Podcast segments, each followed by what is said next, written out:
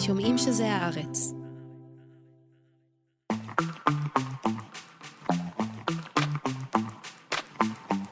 היי, גילי. ניב! היי, דן ברומר, שגם מקליט וגם עורך אותנו. אה, ושלום למאזינות ולמאזינים שלנו, אתם על תרבות יום א', ייי! כן, אה, הרבה זמן שלא היינו כאן. תראה, אני יוצאת מגדרי, כאילו, אני אומנם מרגישה שצימחתי בחזרה את בתולי המיקרופונים, אבל אה, אנחנו... תמיד אפרופריאט. אבל אנחנו נעשה מה שאפשר כדי אה, לעמוד בסטנדרטים שקבענו בעבר, ניב. ואני מקווה שניכנס לכושר כמה שיותר מהר. ונאכל את הראש טוב טוב תוך כדי. בהחלט. אז על מה נאכל את הראש טוב טוב טוב תוך כדי? אנחנו נדבר על שתי סדרות ישראליות המדוברות של השעה. כן, המפקדת ומי שמע על חווה ונאווה? כן. אה, נדבר גם על קת'רין קולד בירדי, הסרט של אה, לינה דנם באמזון פריים. Mm, בהחלט. הסרט המעולה, יש לומר. כן. נעשה פרומו לפרומו. אה, ונסיים בסיבוב מהיר שייפתח בחוויותיך מאינדי נגב. לראשונה! לראשונה, חדש, חדש. יאללה, מתחילים.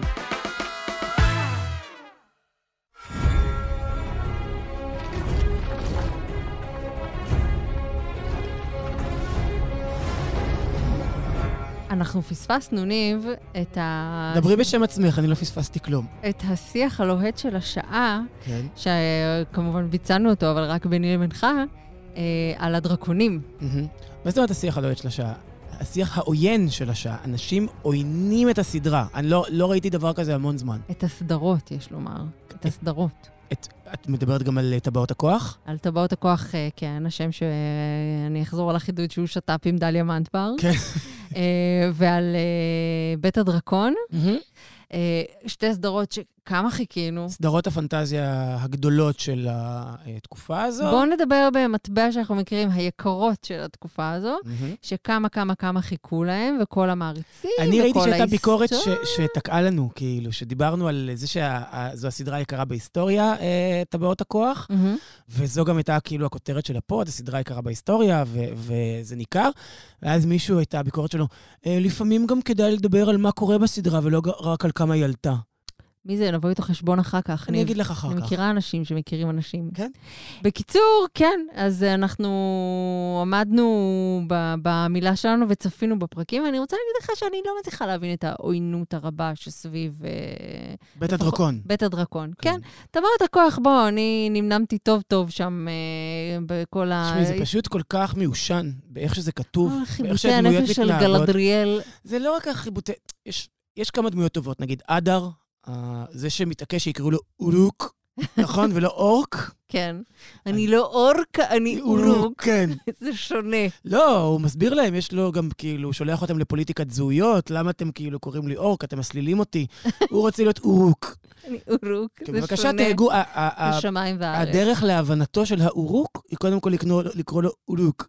מה שאני מתכוון זה שיש דמויות טובות, גם הגמדאים, נכון? כך קוראים להם? מהמם. אה, גם שם יש דמויות טובות, אבל חוץ מהם, באמת, כולם במחנה קיץ של הצופים. יש את הסצנה הזאת שנורי מההרפוטים, שזה ההוביטים לפני שהם הוביטים, כן. אומרת, אני אצא לחפש את הזר.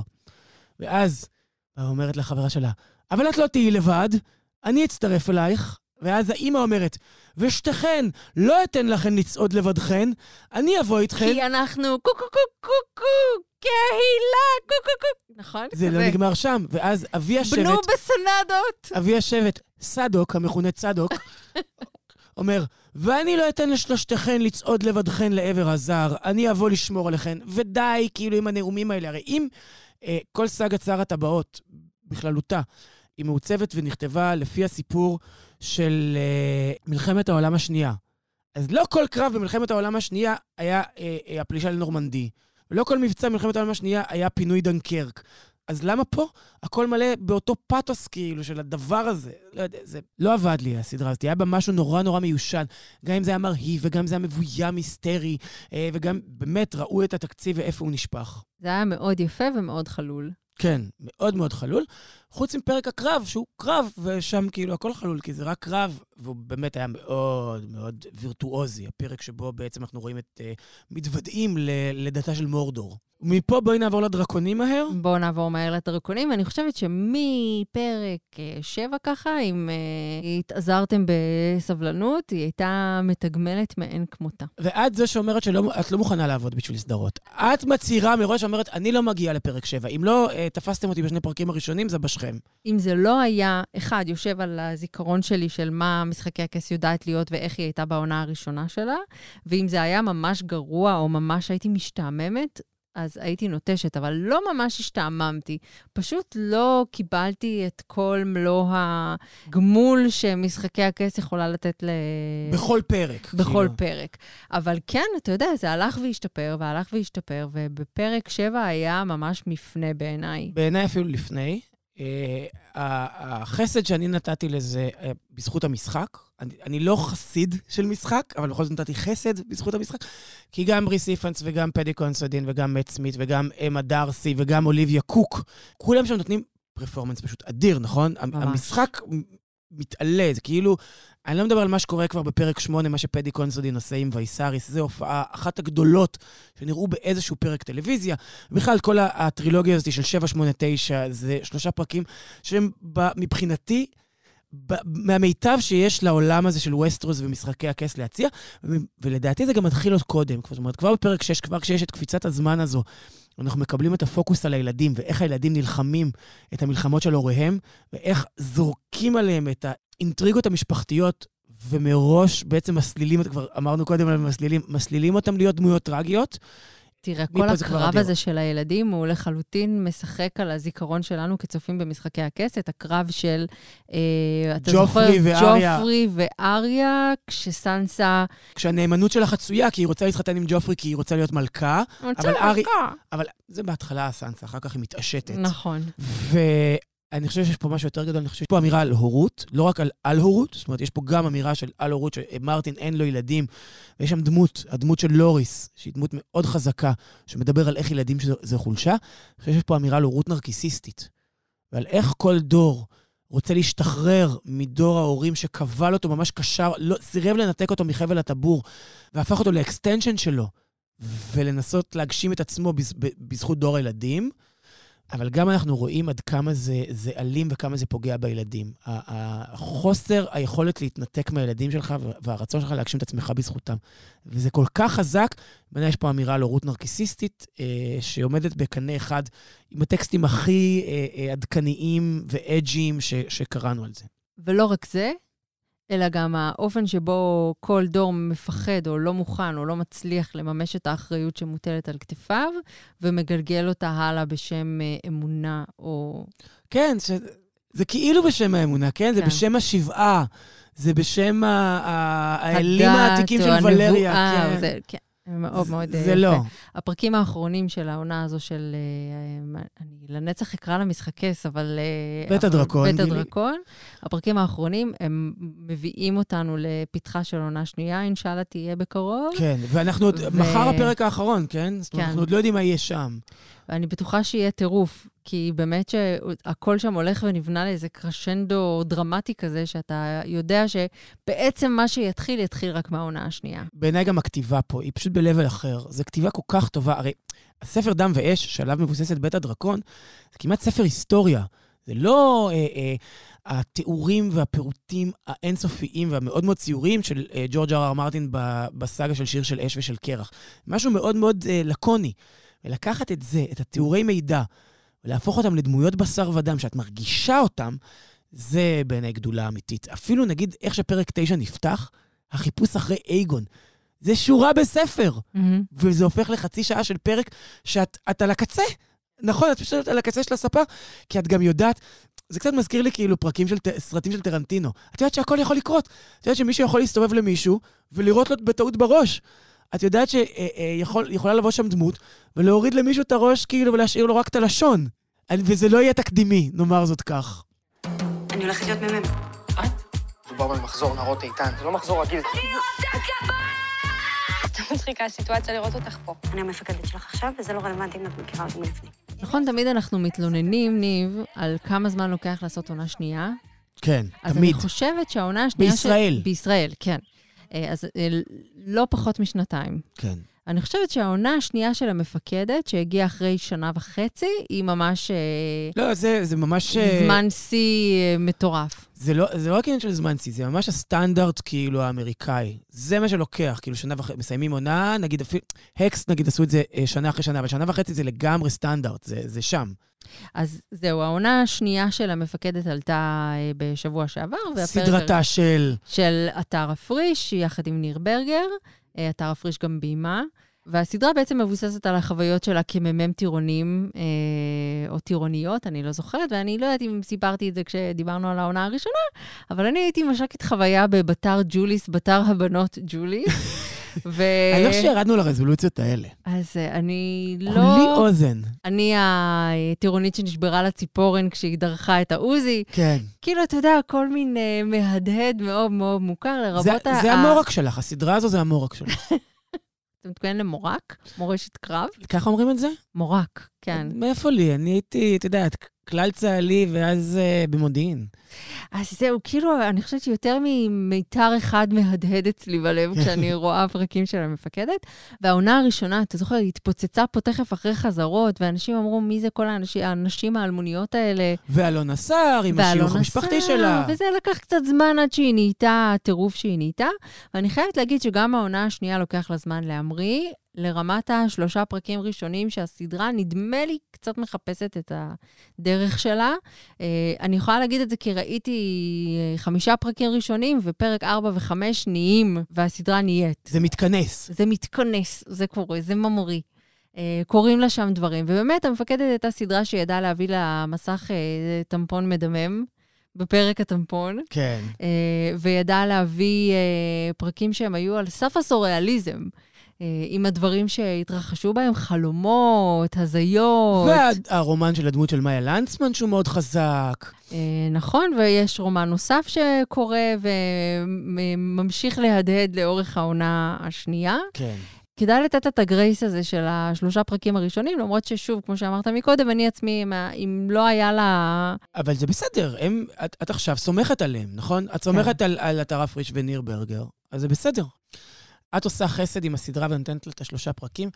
לי קצת יותר קשה, יש בטון שלה משהו שטיפה בעייתי בעיניי, גם זה נכתב ב, בסוף השבוע בהארץ, אה, זה לא איזו מחשבה מקורית שלי, וגם כשזה נכתב, זה, זה משהו שכבר נאמר בעבר.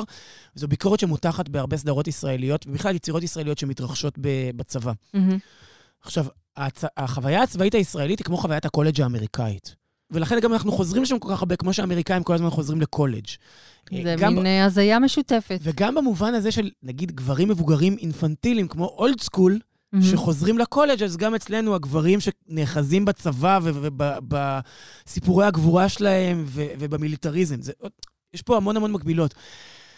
ואם בקולג', בסרטי קולג' עכשוויים, יש, נגיד, הזוויתיות והטיפה ביקורתיות שנכנסה אליהם לעומת סרטי הקולג' של מבית החיות והלאה, היא פתאום הזווית הפמיניסטית, הייתי מצפה שביצירות הישראליות יפסיק להיות העניין הזה של אה, אה, או אה, מה שנקרא לזה קולנוע לאו- לאומי הירואי, או יורים ובוכים, שתהיה טיפה יותר ביקורתיות ותהיה טיפה יותר קונטקסט. זאת אומרת, אם הקונטקסט הקולג'י הוא לפעמים בו בהתנהגות. של האחוות, יש שם משהו שהוא מאוד גברי, אלים, דורסני. אז במיליטריזם הישראלי יש גם את הבעייתיות שלו. כשהופכים את זה לאיזה מין קפסולה שמנותקת מהקשר, יש עם זה בעייתיות. לי, סליחה. אתה מדבר על הבעייתיות שבמה שאני, יצא לי כמה פעמים לקרוא אה, צה"ל כהוגוורטס. כן, אוקיי? זה שזה נורא נורא כיף, זה כמו מין עולם חמוד כזה, שכולם בו צעירים ויפים, ו... לא משנה אם צעירים ויפים, זה, אני, אני אפילו לא מחפש את הכיף, אני אני מחפש חושבת- את ההשלכות הצידה, משום שאין... אה, אה, אנחנו תכף נדבר על חווה ונאווה, ושם זה קיים, הסיפור אבל הזה. אני חופשת, ניב, שדווקא בפרקים אולי קצת יותר מתקדמים, באמת האלמנט הזה של הביקורתיות, דווקא כלפי שירות של בנות שהוא כל כך מלא בפתוס ודרמה לכאורה, שמכסים על הכלום ושום דבר ש...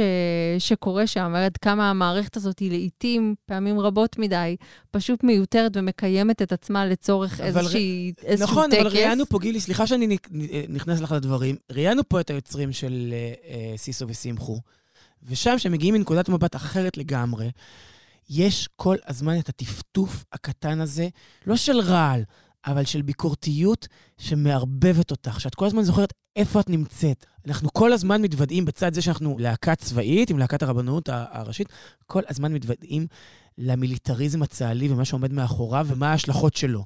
תראה, במובן הזה, באמת שאין שם אה, כל הזמן, אה, הכיבוש לא נוכח שם, אוקיי? ומלחמות לא, ישראל כמעט ולא נוכחים שם. אבל זה לא רק העניין של הכיבוש. אבל כן, הגיחוך שיש בצבא נמצא שם מאוד. כן, אני יודע, בעיניי זה לא, זה לא גם לא אפס... מספיק לך. זה לא, גם לא אפס ביחסי אנוש, וזה גם לא מה שקורה במי שמע על חווה ונאווה, שזו סדרה שהיא סדרה של, בעיניי, גם על חברות וגם על התפכחות. אנחנו היינו בכל השירים של הלהקה. כל, כל פעם שאתה שומע לו לו לו מאחורה זה אני. זה אנחנו. לא, את לא עשית. צריך להציג רק עם הפה. מה, זה לא נחשב? כן. לו לו לו לו לו לו לו לו לו. זה היא עושה הכי טוב. התפכחות דורית מאיזושהי אשליה. אני לא רוצה לספיילר, אבל הסדרה צוברת מומנטום ככל שהיא מתגברת, ואני עשיתי אותה בבינג', זאת אומרת, ראיתי שני פרקים ראשונים לאיזושהי התרשמות, אמרתי, אוקיי, אני, אני בעד, וכמו שאת סומכת על uh, עטר הפריש וניר ברגר, אני סומך על גלית חוגי ונועה ארנברג, שעשו את האחיות המוצלחות שלי גם. אגב, עוד סדרה uh, שבה היחס לצה"ל, בקטנות, כן? Mm-hmm. בקטנות, הוא, הוא מאוד מאוד ביקורתי. אני חושב שאצל חווה ונאווה, ההשלכות של מה זה להיות חברה שהיא מסביב לצבא, ושהצבא הוא המרכז, באמת הבלתי מעורער של החברה הישראלית. יודע שאחר כך אנשים ש- שהיו בו, ושהם כאילו גיבורי ישראל, איך הם אחר כך יכולים להמשיך ולהתנהל ולעשות אה, אה, כבשלהם בחברה הישראלית.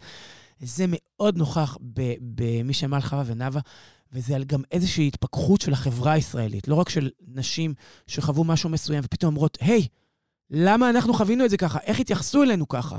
זה לא בסדר שאנחנו חווינו את הדברים האלה. ואני חושב שיש שם משהו מאוד מאוד היולי בסדרה הזו, משום שהיחס של הדמות של קרן מור, של חווה, שהיא מקבלת מהילדים שלה ומהמשפחה שלה, חוסר האמון ש, שמגולם ב, בהסתכלות של אנשים עליה, והמסע שלה לאמנציפציה, הוא מאוד מאוד חזק, לא ראיתי כמוהו בסדרה ישראלית, וזה גם מצחיק וגם ביקורתי וגם מרגש. ואת יודעת, בפרקים הראשונים, אז ה- היחסים של חנה לסלו והילה גולדברג, שמשחקת גם את רבקה... ביתת צליל, כן. כן, ביתת צליל, שמשחקת גם את אה, רבקה במייקל. זה מחזיק את זה, וכשהן אומרות חחי, הן עובדות חברת חשמל לישראל. זאת אומרת, את, את עושה בחחי ככה, חחי ככה. זה מחזיק אותי וזה, וזה מספיק לי. והשירים, הם ממש בנו שם תוכנית כזאת של אה, אה, מערכונים ושירים של להקות צבאיות שהיו פעם, שהכל מומצת. כאילו אומרת, אה, אני מכירה את השיר הזה. לא, השירים לא היו עד כדי כך מיזוגנים, הם הלכו פה כמה צעדים קדימה. זה נורא נורא מצחיק. אה, וזה סוחב אותי בפרקים ראשונים, ואחר כך זה פשוט... חייבת להגיד לך, אבל ניב, שאני נתתי שלושה פרקים לסדרה, ולא המשכתי כי היה לי לא מעניין מספיק. בסדר, לג'יט. ולא מצחיק מספיק. אני מבינה שזה הולך ומתפתח, לא, והופך לא, מאיזה קומדיה לדרמה. איך לא מצחיק אותך שחנה לסלו אומרת חחי חחי, וצליל הבת שלה כאילו כרוכה אחריה? בסדר, בסדר. מה נעשה? הומור שונה. כנראה. כן, מסכים אבל... שלא להסכים, המשפט החביב עליך. לא, המשפט החביב עליי זה, זה לא שחור או לבן. גילי, זה לא שחור או לבן. כנראה שלא, ניב. You're my only daughter. If I say that you should be married, then married you should be. אם כבר דיברנו על, אה, את יודעת, יצירות של אה, נשים, אה, איזה חיבור ניב. ככה זה יצא אסוציאטיבית. לא, באמת. לא, מתבקש, מתבקש. תראי, זה נכון שכל הכותבות שדיברנו עליהן קודם, הן אה, אה, מוכשרות מאוד בזכות עצמה. אני חושב שמי ששמה את הרגל בדלת לכתיבה נשית כזו, היא לינה דנאם. וההשפעה שלה וההשראה שלה על, על אה, אה, כותבות בכל העולם ניכרת, ולא רק על כותבות, כן? גם אה, דונלד גלובר אומר שהוא עשה את אה, אטלנטה בזכותה, וכמובן, ברור שפליבק וכזה. אז אה, אה, לינה דנה, היה לה קשה להתאושש מבנות, ואני מבין את זה. היה לה קשה, גם היה לה תקופה לא קלה, היא כן. הייתה לא בריאה, קרו לה דברים, כן. היא הייתה צריכה כמה שנים בשביל להתאושש, אבל איזה כיף שהיא התאוששה, והיא וואו. פורעת את הצ'ק הזה בענק בקת'רין קולדברדי. איזה סרט מעולה. מעולה. איזה סרט כיפי. סרט שממתין למאזינות ולמאזינים באמזון פריים, ואנחנו ממש מפצירים בכולכן וכולכם לראות אותו. ממש, לכו לראות אותו, כי הוא סופר כיפי, הוא חמוד, והוא גם באמת... אה, הוא אתה- גם חכם. הוא חכם, ויש מאחוריו כישרון גדול, שלא לומר כישרונות גדולים. אה, ונראה לי שלינה דנהאם היא רק השם הראשון שככה עולה לראש. אם רק ניתן את רשימת האנשים שמפציעים שם, אנדרו סקוט, a.k.a. Hot Priest מ Fleabag. אה, ראסל ברנד מגיע פתאום. כן, אה, פול קיי, אה, אפרופו דיברנו קודם משחקי הכס, אז מי שהיה הכומר האדמוני שמדליק את החרב שלו, זוכרת? טורוס ממיר. אה, את לא זוכרת את החבורה של ההוא עם הרטייה? כן, כן, אני אז הוא היה זוכרת. בחבורה שלו, אז הוא, אה, אה, פול קיי, הוא משחק שם גם. גם הקאסט אדיר, אבל גם הסרט, הוא מהדהד המון המון תמות שעלו בבנות. וזה נורא מצחיק, כי בבנות, האירוניה היא שזה קורה לנשים הכי פריבילגיות. אבל Catherine Called Birdy מתרחש ב-1290, בימי הביניים, כן, שלא הייתה פריבילגיות לשום אישה. מצד שני, קת'רין, שמכונה Birdy, היא אישה מאוד אה, פריבילגית, ועדיין היא חוטפת בראש אה, שם. אני אומרת אישה, אבל היא בת 14. כן, ומי משחקת אותה? אם עוד פעם להגיד משחקי הכס, מי ששיחקה את ליאנה מורמונט אה, מאי הדובים, זוכרת בפרקים, בעונה האחרונה, הילדה הקטנה והאמיצה, זו היא. שמאמינה בג'ון סנואו. כן. כן, אז זו היא. אה, Catherine Called Birdy הוא רומן היסטורי לנערות מ-1994. קצת פנטזיה היסטורית. כן, מין פנטזיה היסטורית, אה, זה נקרא אה, אה, fiction היסטורי. אה, שכתבה קארן קושמן, לא תורגם לעברית. אני חושבת שאם הספר היה יוצא עכשיו, אז אולי הוא כן היה מתורגם לעברית, כי עכשיו נדמה לי שהקהל שעשוי למצוא עניין בספר מהסוג הזה הוא מספיק גדול. כן, הוא כתוב כמו יומן, הוא כאילו ממואר של מישהי מ-1290, של ילדה מתבגרת. זה, זה חמוד נורא, הסתכלתי, קראתי כמה עמודים בשביל העניין. זה חמוד נורא, וזה גם מאוד מאוד uh, מבוסס מחקרית היסטורית uh, על הנוהגים שהיו אז, ומה היו יכולות להיות ההצהרות של uh, uh, הנערה הזאת. אבל כמו ב-The Great אהובתנו, אה, לינה דנם שוברת שם המון המון דברים. את השפה, ואת זה, ש... את, את הגיוון האתני, והפסקול. הפסקול. בואו נדבר שנייה על הפסקול. כן. שאין דבר שאני אוהבת יותר משחזור היסטורי שקורה על רקע אה, מוזיקה שנותנת בראש, כמו למשל ב-The Pursuit of Love, כן. ששנינו עפנו עליו לפני אה, שנה. ומרי אנטואנט, שעשתה סופיה קופולה באמצע העשור הקודם-קודם. כן. אה, בקיצור, הסרט הזה הוא רוקנרול לגמרי. אבל פה זה לא שמשמיעים את השירים המקוריים, הכל זה עיבודים, כאילו ברוח התקופה ההיא, ברוח עם מוזיקת ימי הביניים, ללהיטי Britpop כאלה, Connection של Elastica ו-Alright של Supergrass שפותח את הסרט.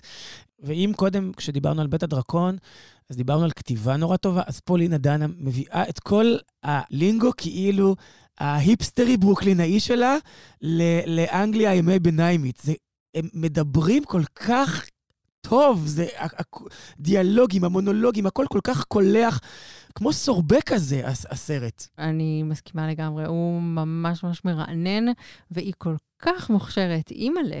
כן, כל סצנה מבוימת אדיר, וכתובה אדיר, ומצולמת נהדר. ובקצב ממש ממש טוב. את כ- אתה כזה לא מתעייף משום סצנה לא, שקורית לך על כשנגמר המסך. הסרט אמרתי, "מה- מה, זהו? ומדובר בסרט לא קצר במיוחד. לא, זה- לא, לא, כן, זה ש- סרט שמאתגר את האורחים הגילי איזיקוביצ'ים הקלאסיים, נכון? אבל הנה, הוא עושה את זה וצולח אותם בגבורה. ולינה דנהאם, She's back, baby. 2020, הם מנסים אותנו. זה כבר לא מצחיק. זה לא מתאים אמרנו. ליבקה, כן. אתה יודע מה עכשיו? סיבוב מהיר, סיבוב מהיר, סיבוב מהיר. אמת, דינג דינג דינג. כן. אה, מכרה משותפת שלנו סיפרה לי שהיא נתקלה בך אתמול, סטור שיער, חיוור פנים, איזה חיוור, שזוף. מטושטש, המום, המום, כן. באינטינקב. בפיזור נפש. בפיזור נפש. כן, זה נשמע אה, אה, קצת כאוטי התיאור הזה. לא, אני הייתי נורא ממוקד. אה, היה לי ממש כיף. אה, קודם כל היה לנו אה, מתחם אדמה של הארץ, שעשינו שם פאנלים, אז עשינו שם, אדיר, היה פאנל על מוזיקת קצה בעידן אלגוריתמי, ועל אה, האם סוף סוף הפופ הישראלי השכיל לאמץ מוטיבים אופנתיים, ועל תרבות גלובלית בעידן של קיימות לוקאלית. אני צריכה רגע לחשוב על הכותרת הזאת ולהבין אם אני מבינה אותה. והופעה, תחשבי נגיד על אה, זורקות מרק העגבניות על אה, ואן גוך, למשל. והייתה לי שיחה עם אה, King Shiloh, אה, מלך ה sound system של אמסטרדם, דיברנו על אה, הקסם של מוזיקה ג'מייקנית. באמת היה נורא נורא מעניין. אה, ושירה נאות, שהיא אדירה, עשתה פאנל כזה של ההופעה הראשונה שלי, ועלו אומנים, אחד אחרי השני, וסיפרו על כל הפדיחות בהופעות הראשונות שלהם. וזה פשוט נהיה מופע קומי, שאנשים מספרים על פדיחות וכולם זורמים, וכולם צחקו נורא, והאוהל היה מלא. עכשיו, זה דבר אחד, כן, לא זה מה שעשה את הפסטיבל, זה מה שהיה כיף בדבר הזה, אבל הפסטיבל עצמו, וואו. בחיים לא הייתי באינטי נגב. כאילו נראה לי פרשתי אחרי ערד אה, 90 ולא זוכרת כמה. אז גם אני חשבתי שפרשתי, ותשמעי, זה, זה, זה משהו. באמת, זה לא היה פסטיבל כזה בארץ. לא ראיתי פסטיבל אלטרנטיבי עם במה נגישה, ששמים את הבמה במקום טוב, וזה לא מרגיש כמו, את יודעת, איזה לצאת ידי חובה. זה פשוט מרגיש שלמישהו שם אכפת, ושהדוכנים של האוכל יש גם יותר מחצי צמחונים וטבעונים. כי למישהו שם זה אכפת. ויש, אה, אה, אה, השירותים הם נקיים ותמיד יש נייר טואלט, כי למישהו שם אכפת. אני רוצה לומר משהו על המוזיקה הישראלית, כי אני חושב שגם היא נמצאת היום בנקודה אדירה. קודם כל, הפופ וההיפ-הופ לא היו כל כך עדכניים ובקו אחד עם מה שקורה בעולם, ו- ומרגישים טריים ומקוריים אף פעם. זה, זה לא היה ככה. אנחנו בתור הזהב של הפופ הישראלי ושל ההיפ-הופ הישראלי. וזה לגמרי היה הסאונד השולט שם. כן, היה גם רוק אה, אה, ואינדי רוק, והיה גם אה, אה, הרכבים מפעם וזה, אבל, אבל ההרגשה, ובן שלו כתב את זה נורא יפה, שזה פסטיבל שהוא, zeit, שהוא של ציידגייסט, וזה מה שמרגש בו. אני חושב, ראיתי הרבה הופעות, ראיתי את אה, אה, שן שהיו מעולים, והילה רוח הייתה פיצוץ, וואו, איזה הופעה היא נתנה שם. ונוגה ארז הרגשתי שזו הופעה מחו"ל, מאוד מאוד מוקצע. לעצמי, טדי נגוסה, לא, לא, לא ראיתי ראפר כזה. מישהו, גם יש לו את ה flow הזה, אבל ה flow הזה יש לו אותו בעברית. איך אתה, איך אתה משחק עם השפה הכל כך לא מוזיקלית הזו, והכל כך קשה הזו, ועושה ממנה מטעמים, אם להשתמש בביטוי סבא לפעם רביעית בפודקאסט הזה. וגם איך שהוא נראה, הוא עליי מחלי... אני רושמת אותך למוטקה. כן. גרוע מזה, אני ארשום אותך למרוצה בוז'ולה, אם אתה תמשיך ככה. אני חושב שאת צריכה לבוא גם, ויותר מזה, את צריכה לבוא עם, אה, עם אלונה בתך. תראה, אם אני אבוא לאינדי נגב, זה באמת כאילו, אני אהפוך את אה, אינדי נגב למרוץ הבוז'ולה, זה כאילו אנשים יימלטו משם. תהיה אה, אזהרת סאחים מתקרבת, כאילו, אה, אה, את הפעמונים... לא מבינה איזה... זה הפסטיבל שהייתי בו הכי סאחי אי פעם. אני רוצה, אם אנחנו נמצאים כבר בסיבוב מהיר, אז אני, כן. והתחלנו כבר עם מוזיקה, אז בואו נדבר קצת על הדוקו על אה, שנייד אוקונור, שהוא Nothing מהיום... compares, כן, נכון? אה, שהוא בעצם אה, דוקו של הולו, ומהיום הוא זמין ב-VOD של יס, וממחר הוא גם ישודר ב-yes דוקו. הוא היה גם בדוק אביב. אז תשמע, סרט מצד אחד סופר סופר מרגש, יפה, גרם לי לדמוע יותר מפעם אחת. ואומנם כל פעם שאני דומעת מול טלוויזיה, אני שואלת את עצמי האם אה, מדובר בדמעות הורמונליות, כן או לא.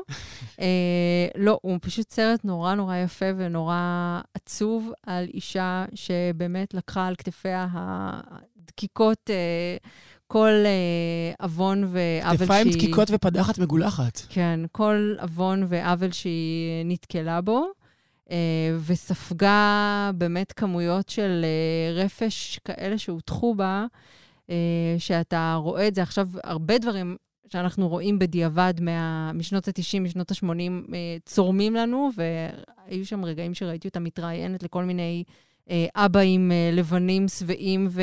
טוב, היא מגיעה ממדינה מאוד שמרנית, אירלנד. נכון. אבל זה לא רק זה, גם כשהיא התראיינה בארצות הברית, היא התראיינה, ל- זאת אומרת, את התמונה של האפיפיור היא קרעה ב Saturday Night Live, לא ב...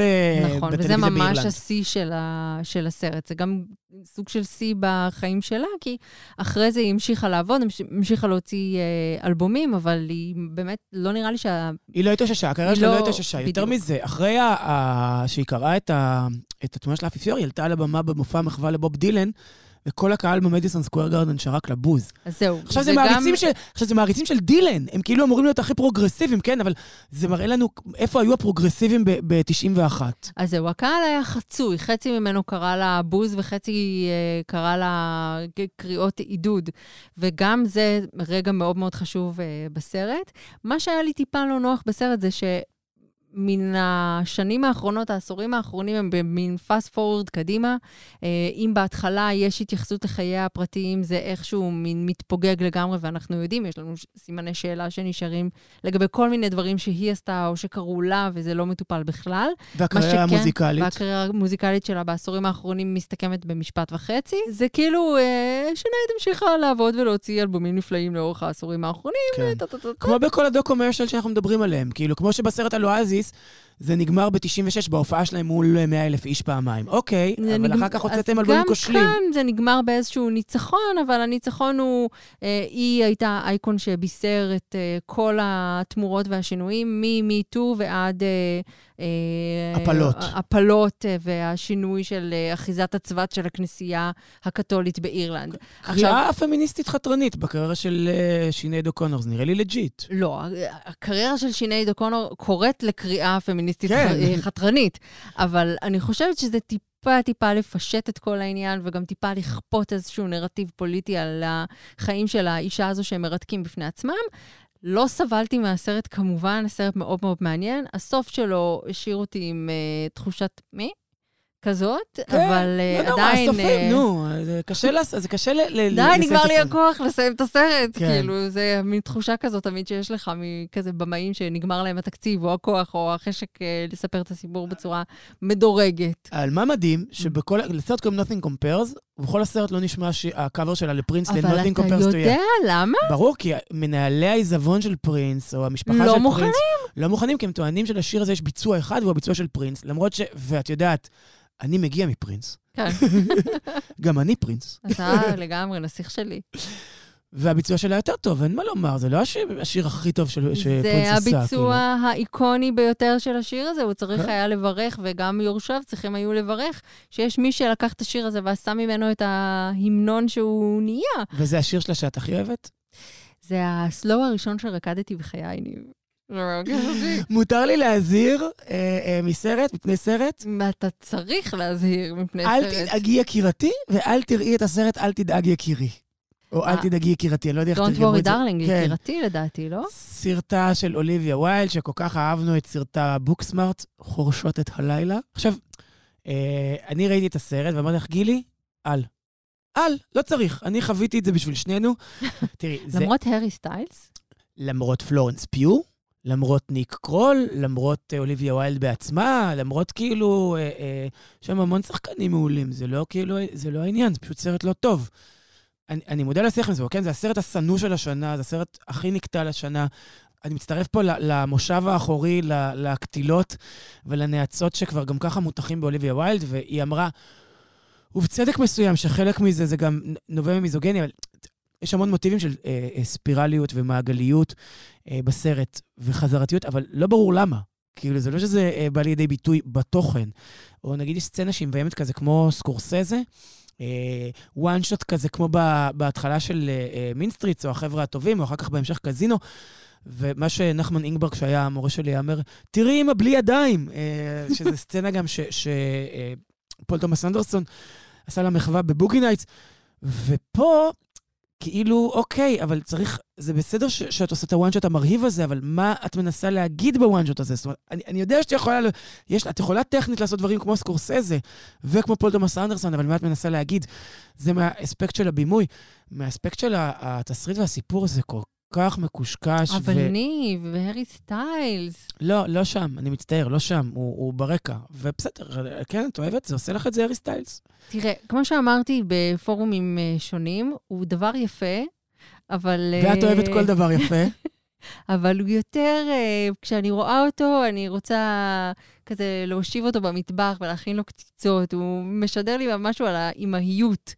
הוא ילדון טיפשון, ו- והוא דבר יפה. כן, אז אני אגיד שהסרט הוא חיבור בין Westworld, בעונות הלא טובות, ל Stepford Wives, בעיבוד עם ניקול קידמן ומתיו ברודריק. זה לא היה, הייתה מחמאה לא פה ולא פה. אני אוותר אם ככה. אז בואי אבל נסיים כן עם המלצה.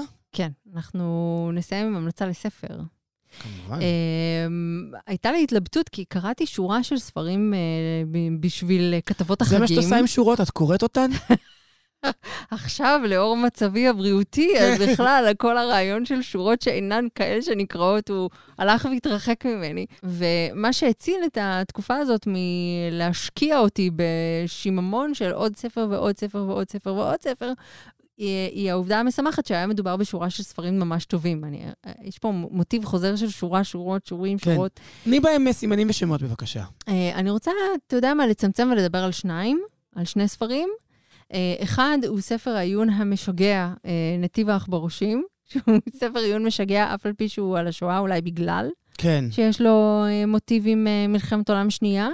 אה, ספר של פיליפ סאנס. שראיינת אותו. ראיינתי אותו, הוא זכור לנו לטובה מאוד מרחוב מזרח-מערב. שזה הספר שביבי קרא בצילום שלו לטיים. כן.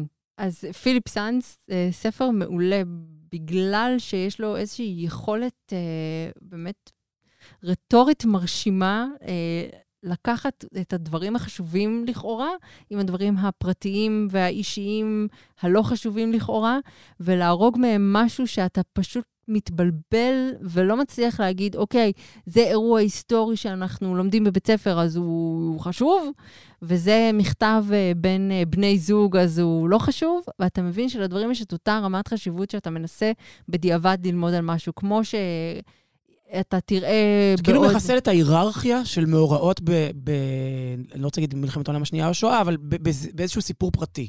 כן, והוא מעלה את הסיפור הפרטי ומסיק ממנו על משהו הרבה יותר רחב, הרבה יותר אה, גדול, ואתה פשוט שוקע בתוך הסיפור הזה, כי מצד אחד אתה קורא סאגה משפחתית, ומצד שני, הסאגה המשפחתית הזאת מסבירה לך משהו ענק על אה, אולי התופעה הכי מחרידה שהייתה במאה ה-20, אולי. שאנחנו מדברים. אולי, היו לא מעט כן, זה תוך- נכון. אה, אירועים אה, מחרידים במאה ה-20. לא בסדר, אולי, אולי זה טוב. טוענת יפה לכתר. כן, טוענת מרכזית מאוד.